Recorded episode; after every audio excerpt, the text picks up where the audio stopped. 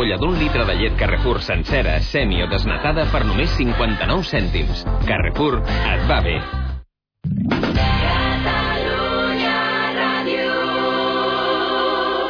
Mútua General de Catalunya us ofereix aquest espai. És el defensor de l'oient del matí de Catalunya Ràdio. Marta, bon dia. Bon dia, Manel. Avui quin cas tenim? Mira, avui ens volem fer ressò de totes aquestes queixes d'oients que, ens han, que han tingut problemes aquest estiu amb alguna companyia aèria alguns que han tingut retards, altres que s'ha trobat amb overbooking, i els més greus, aquells que han perdut les maletes, que uh -huh. tant si ho fan quan arriben a casa o quan arriben al lloc de vacances et porta moltíssims problemes, perquè perds moltes coses. Explicarem el cas, per exemple, del Fernando, que li van perdre les maletes i encara no li han donat cap solució. Això va passar a finals d'agost, o sigui que déu nhi D'entrada, quan ell va arribar a l'aeroport de París-Orly per tornar cap aquí, es va trobar que el vol era de Vueling i que ell l'havia contractat amb Iberia. Primer no li va donar importància, però ja veurem que això, clar, també li ha donat problema i quan va arribar al Prat, efectivament li faltaven dues maletes. Ell va fer la reclamació allà i ho va fer a Ibèria, perquè és amb què havia contractat el vol, però després d'un dia li van dir que no, que havia d'anar a Vueling, perquè és amb qui havia volat. Que són companyies associades, però no iguals. Clar, exacte, i això ara està portant problemes. Eh, Vueling, quan va fer la reclamació, li van dir que les maletes estaven a París-Orly i que ja li retornarien, però al cap d'uns dies li van comunicar que no, que no sabien on estaven. Per tant, ell està molt enfadat perquè d'entrada l'havien enganyat.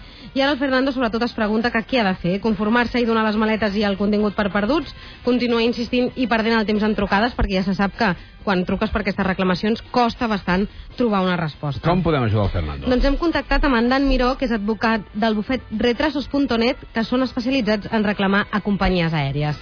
Bon dia, Dan. Molt bon dia. Què, què li diríem al Fernando? Pues li diríem diverses coses, però primer que, que, bueno, que no posi nerviós perquè, entre altres coses, a Europa es perden cada dia 10.000 maletes i al món 90.000.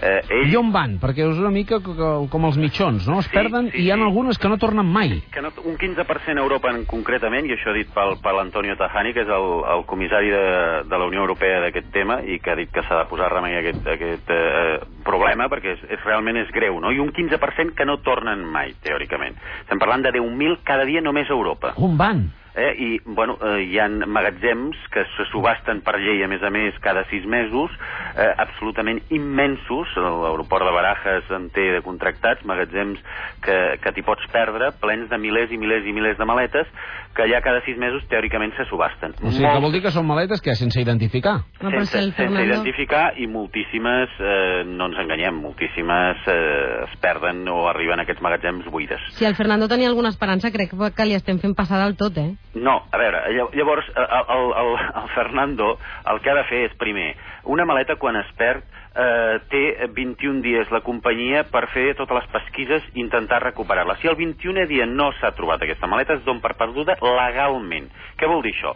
Que ella ha de fer una reclamació fehacient a la companyia aèria i donar un temps prudencial, que siguin els 10 dies, els 5 o els 15, el que cregui oportú, i si no se li indemnitza pels danys morals i els perjudicis que ell creu necessari i que li han ocasionat aquesta companyia aèria, eh, s'ha de presentar demanda als tribunals, i els tribunals són taxatius amb tot aquest tema. És a dir, estem portant centenars de demandes. Si Què diuen els tribunals? Els tribunals no tenen cap mena de contemplació, és a dir, les, les, les, eh, totes les eh, demandes que es presenten, si es presenten correctament, perquè aquí hi ha clar, tota una funció i una eh, problemàtica jurídica que s'ha de saber i conèixer bé, perquè hi ha molts convenis internacionals, etc etc.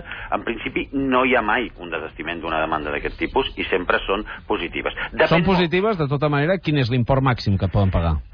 Aquesta és la pregunta del milió de dòlars perquè és, és inclús perillosa i a més a més hi ha novetats amb això. És dir, cuidado, mm, no és el mateix presentar-la a Barcelona que presentar-la a Palma de Mallorca, que presentar-la a Girona, que presentar-la a Bilbao. El nostre oient parla de l'aeroport del Prat. Clar, l'aeroport del Prat sí, però, bueno, però té possibilitats i molts fòrums. És dir, moltes vegades la, la maleta s'ha perdut i ell és d'aquí, però mm, presentem la demanda a Palma perquè la companyia és de Palma, la seu, per exemple, o perquè ara viu a Bilbao i es pot presentar a Bilbao. Hi ha moltes possibilitats. El, el cas és que... En cas de fer-ho a Barcelona, quin és l'import màxim que, que poden donar si perds una maleta? Mm, el, el de Barcelona és l'audiència més restrictiva i estaríem parlant en principi d'uns 1.100 euros per passatger tenint en compte que aquí hi haurien les costes i que podria superar-se aquest límit si demostrem que hi ha dolo per part de la companyia. Llavors no hi hauria limitació.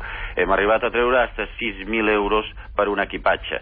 Eh, no hi ha cas igual. Ahir van fer tres judicis d'equipatges, per exemple, de la no hi ha cap cas igual. El que és evident és que una pèrdua es té que re ressarcir, sigui pel dany moral i pel dany material. Aquí és d'anar a judici i, per tant, com vostè deia, hi ha unes costes, de manera que aquest import no és mai per, per la persona afectada. En cas de no arribar a judici, és a dir, segons la, la normativa, quin és l'import que, veure, que paga la companyia? Hi ha una limitació que marquen eh, el conveni internacional que són mil drets especials de gir, però esclar, s'està superant en tots els tribunals, pràcticament, evidentment, perquè a més a més ha quedat desfassada. I hi ha, a més a més, una, una, una qüestió a la Unió Europea, una qüestió prejudicial que sortirà en pocs mesos i que es pregunta aquí precisament per superar aquest límit perquè ha quedat absolutament fora de joc. No? I en aquests moments, ja li dic, és dir, eh, a Girona hem pogut treure hasta 4.000 euros per un equipatge, a Bilbao pots treure hasta 5.000 euros per un equipatge, depèn, cada cas és diferent. Si és a l'anada o la tornada, per exemple, si és a la tornada, els jutges entenen que el dany moral no hi és, hi ha un dany material només. Llavors, eh, eh, s'ha de valorar cada cosa. Eh, hi ha eh, viatges que queden absolutament eh, frustrats l'objecte queda completament frustrat, bàsicament, per què? Perquè és a l'anada i perquè sense l'equipatge aquell que era necessari per fer determinades actuacions, tot l'equipatge, eh, eh, tot el viatge queda sense sentit, i llavors... Això, això ja entraria dintre de, de, de l'argumentari en, en un hipotètic judici. Ah. Però, de cara al nostre comunicant, si el Fernando Sí. per, ha perdut una moleta amb la companyia Vueling eh, i reclama pels procediments ordinaris i no vol anar a judici, quina és la màxima quantitat que li poden pagar?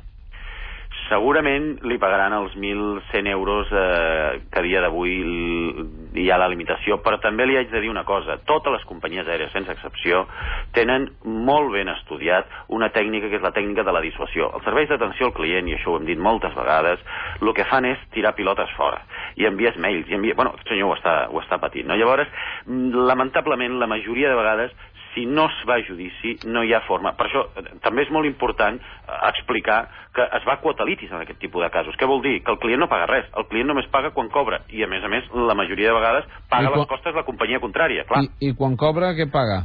Quan, quan cobra, paga el 20%, excepte si han donat les costes, perquè, clar, és dir, el, el, el que és lògic és que si el, el jutge li dona la raó, qui pagarà les costes no serà el, el, el client, sinó serà la part contrària. Molt bé, queda clara la- l'opinió... Especificar-li una cosa en aquest senyor, Sí. que perquè diu que va viatjar amb Iberia i que, tenia un, que ell havia contractat amb Iberia i que va viatjar amb Welling, dir-li que totes les companyies en tema d'equipatge són solidàries. Per tant, pot demandar-les a totes, que les condemnaran igual. No sé si això queda clar. És dir, eh, ell, ell va contractar amb Iberia, però eh, la transportista, de és Vueling, les pot demandar les dues i les condemnaran a les dues. Molt bé, doncs és un missatge d'esperança pel Fernando que s'ha trobat amb aquest problema. Li agraïm molt a Dan Miró, del bufetretrasos.net, que ens hagi parlat d'aquest negoci, però que també, evidentment, fa un servei a la gent doncs, que no se'n surti amb la pròpia companyia i vulgui portar el cas als jutjats. Moltes gràcies. Vinga, gràcies a Bon dia, gràcies a tu Adéu. també. Marta, que sapigueu tots que el síndic de Greuges serà el primer dia de cada mes, o els primers dies de cada mes, concretament la primera vegada que vindrà aquesta temporada és l'1 d'octubre, i atendrà en directe les queixes que vosaltres eh, tingueu. També les podeu adreçar al programa com sempre. Si alguna la podem resoldre nosaltres, ho farem, i si no, serà el mateix síndic de Greuges qui a principis de cada mes donarà resposta als nostres oients. En assegurances de salut